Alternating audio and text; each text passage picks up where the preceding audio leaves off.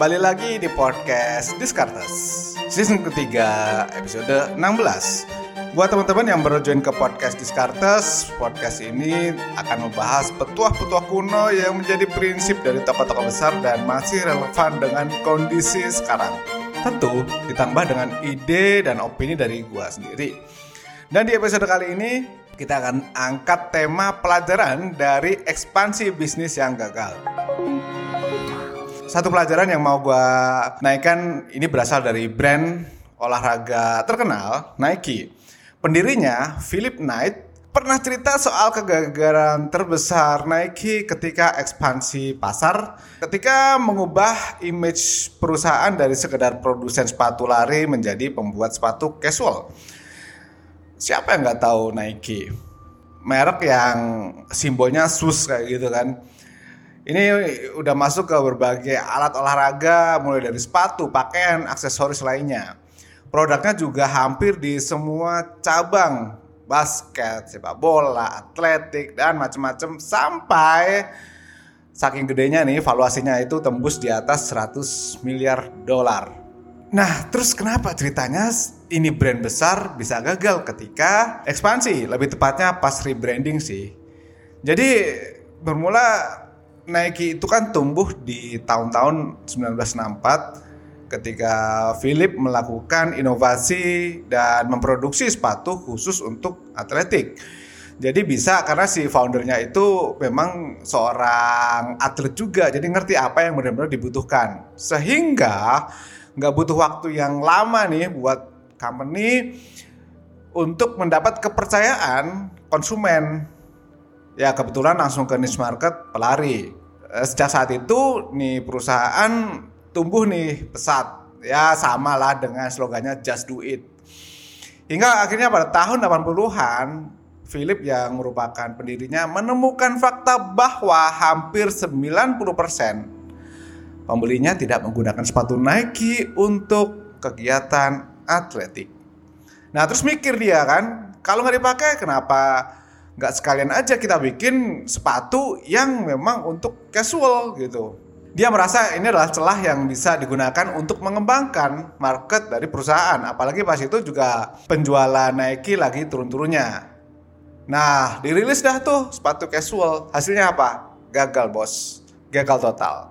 Sepatu kasual Nike kalah dari Reebok, kalah dari lain-lain. Nah, dalam sebuah wawancara si Philip bilang bahwa Nike udah bikin nih produk yang bagus, tetapi produk yang bagus belum tentu disukai oleh pasar. Bukan cuma gagal ekspansi, posisi Nike yang sebelumnya ada di tingkat pertama turun drastis gitu.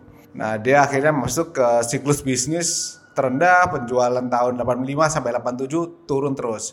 Bahkan di era tersebut Nike terpaksa harus memecat 280 orang dalam setahun. Wow, itu jumlah yang gede itu. Akibatnya harus mundur selangkah.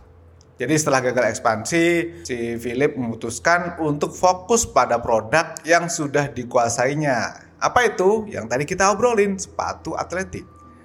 Jadi meski terkesan mundur satu langkah, pelan-pelan si founder ini mulai ngembangin Nike dengan membuat sepatu di berbagai cabang olahraga, tapi dengan kalkulasi yang lebih matang. Jadi si Philip itu pernah ngomong bahwa dia mulai develop nih sepatu-sepatu untuk bola basket, tenis, sepak bola, tapi dengan prinsip yang sama ketika membuat sepatu untuk pelari gitu. Jadi fundamentalnya benar-benar didalemin. Jadi yang dilakukan oleh Nike adalah memperdalam riset.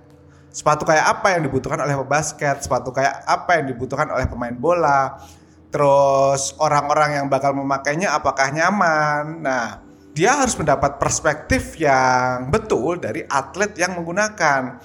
Kayak lari tadi, si Philip kan seorang pelari. Nah, sepatu-sepatu lainnya dia mengambil point of view dari atlet-atlet lainnya gitu.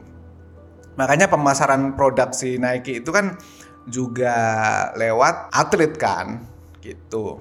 Nah dari cerita Nike tadi gue bisa simpulin sedikit gitu ya meski kelihatan sederhana tapi kenyataannya rebranding itu memerlukan proses yang panjang dan jelas ada konsekuensi yang harus diperhitungkan oleh siapa pun yang akan melakukannya. Karena memang nggak sederhana, nggak bisa kita asal bikin produk, nggak bisa asal ganti logo, ubah nama, slogan, nggak bisa seenaknya ganti corporate identity dan macam-macam.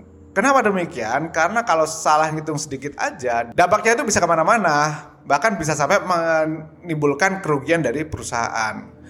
Keuangan perusahaan bisa terganggu. Bahkan untuk kasus-kasus yang parah, bukan nggak mungkin kalau perusahaan tersebut bisa bubar gitu pada pertengahan Juni 2022 gue menemukan ada data ya yang berisi merek dan valuasi tertinggi di dunia untuk tahun 2022. Ini jadi nilai sebuah brand, nilai sebuah company ya. Ada Apple peringkat pertama, Google, Amazon, Microsoft, Tencent. Dan mereka ini kan perusahaan-perusahaan yang memang sudah besar jadi sudah melewati proses yang panjang gitu. Mulai dari melakukan inovasi produk, ya kayak Apple yang dulunya bikin komputer untuk keluarga, kini udah berbagai segmen konsumen. Amazon yang dulunya cuma jualan buku online sekarang jadi perusahaan marketplace paling gede. Google dulunya main search engine, email gratisan, ya kini semua produk Google bisa ada yang berbayar, ads dan semacamnya. Jadi proses pengembangan itu pasti melewati proses yang kompleks, bukan hal yang simple. Nah, makanya implikasi-implikasi dari setiap perjalanan perusahaan pasti harus dilihat. Meski cerita-cerita tadi itu levelnya makro, korporasi, tapi bisalah kalau kita ambil intisarinya diaplikasikan kepada kita kalau misalnya ngebangun sebuah personal branding apalagi zaman sekarang di media sosial banyak sekali manfaat yang bisa digunakan kalau personal brandingnya bagus misalnya cari kerja ya oh ternyata orang ini bermasalah di media sosial wah udah pasti susah dapat kerjaan karena percayalah bahwa orang-orang kaya orang-orang yang ada di top tier management itu kalau lagi senggang, kalau lagi lowong itu juga lihatnya nggak jauh-jauh dari YouTube, nggak jauh-jauh dari Instagram, nggak jauh-jauh dari TikTok gitu. Kalau sampai kamu viral gara-gara kecerobohan, gara-gara kenakalan, ya udah pasti susah masuk ke sebuah pekerjaan gitu. Kalau misalnya kalian mau bikin personal branding yang bagus, gimana sih? Ya ada beberapa cara. Sekalian aja gue share di sini Pertama tentukan lingkungan yang akan menjadi audiences kamu gitu kan. Siapa sih yang mau dengerin? Kenapa mereka mau mendengarkan? Apa manfaatnya gitu kan. Yang kedua, tentukan uh, apa yang ingin kamu tampilkan. Jadi apakah kamu ingin menampilkan bahwa kamu seorang fotografer yang bagus? Apakah kamu akan menampilkan bahwa kamu seorang arkeolog? Atau macam-macam. Suka hal-hal yang mistis punya indera keenam atau apa pun itu. Dan yang ketiga kalau mau menseriusi personal branding ya kamu harus tahu sih bagaimana strategi pemasaran atau step-stepnya. Karena sebetulnya personal branding itu juga sama aja dengan orang jual diri ya. Orang jual produk sama aja mirip. Yang dijual beda tapi step-stepnya menurut gue ya sama-sama aja. Yang dijual lainnya adalah barang dan jasa sementara kalau personal branding kan yang dijual kamunya gitu. Ya mungkin kalau teman-teman berminat one day kita akan ngobrol-ngobrol lagi terkait personal branding. Kalau sekarang bukan waktunya. Oke itu aja dari gua. Mudah-mudahan pembelajaran ini bakal berguna buat kalian bahwa kadang-kadang ekspansi bisnis itu bisa kita lakukan ketika cash flow-nya kuat tetapi jika tidak memiliki cash flow yang kuat, tidak ngerti roadmap yang pas, ya jangan dilakukan. Contohnya Nike ini dia bisa bertahan, kenapa? Karena meskipun salah ketika rebranding, dia masih memiliki duit buat bangkit lagi. Nah, itu contohnya. Oke, sampai jumpa lagi di podcast Discartes episode selanjutnya. Thank you and bye-bye.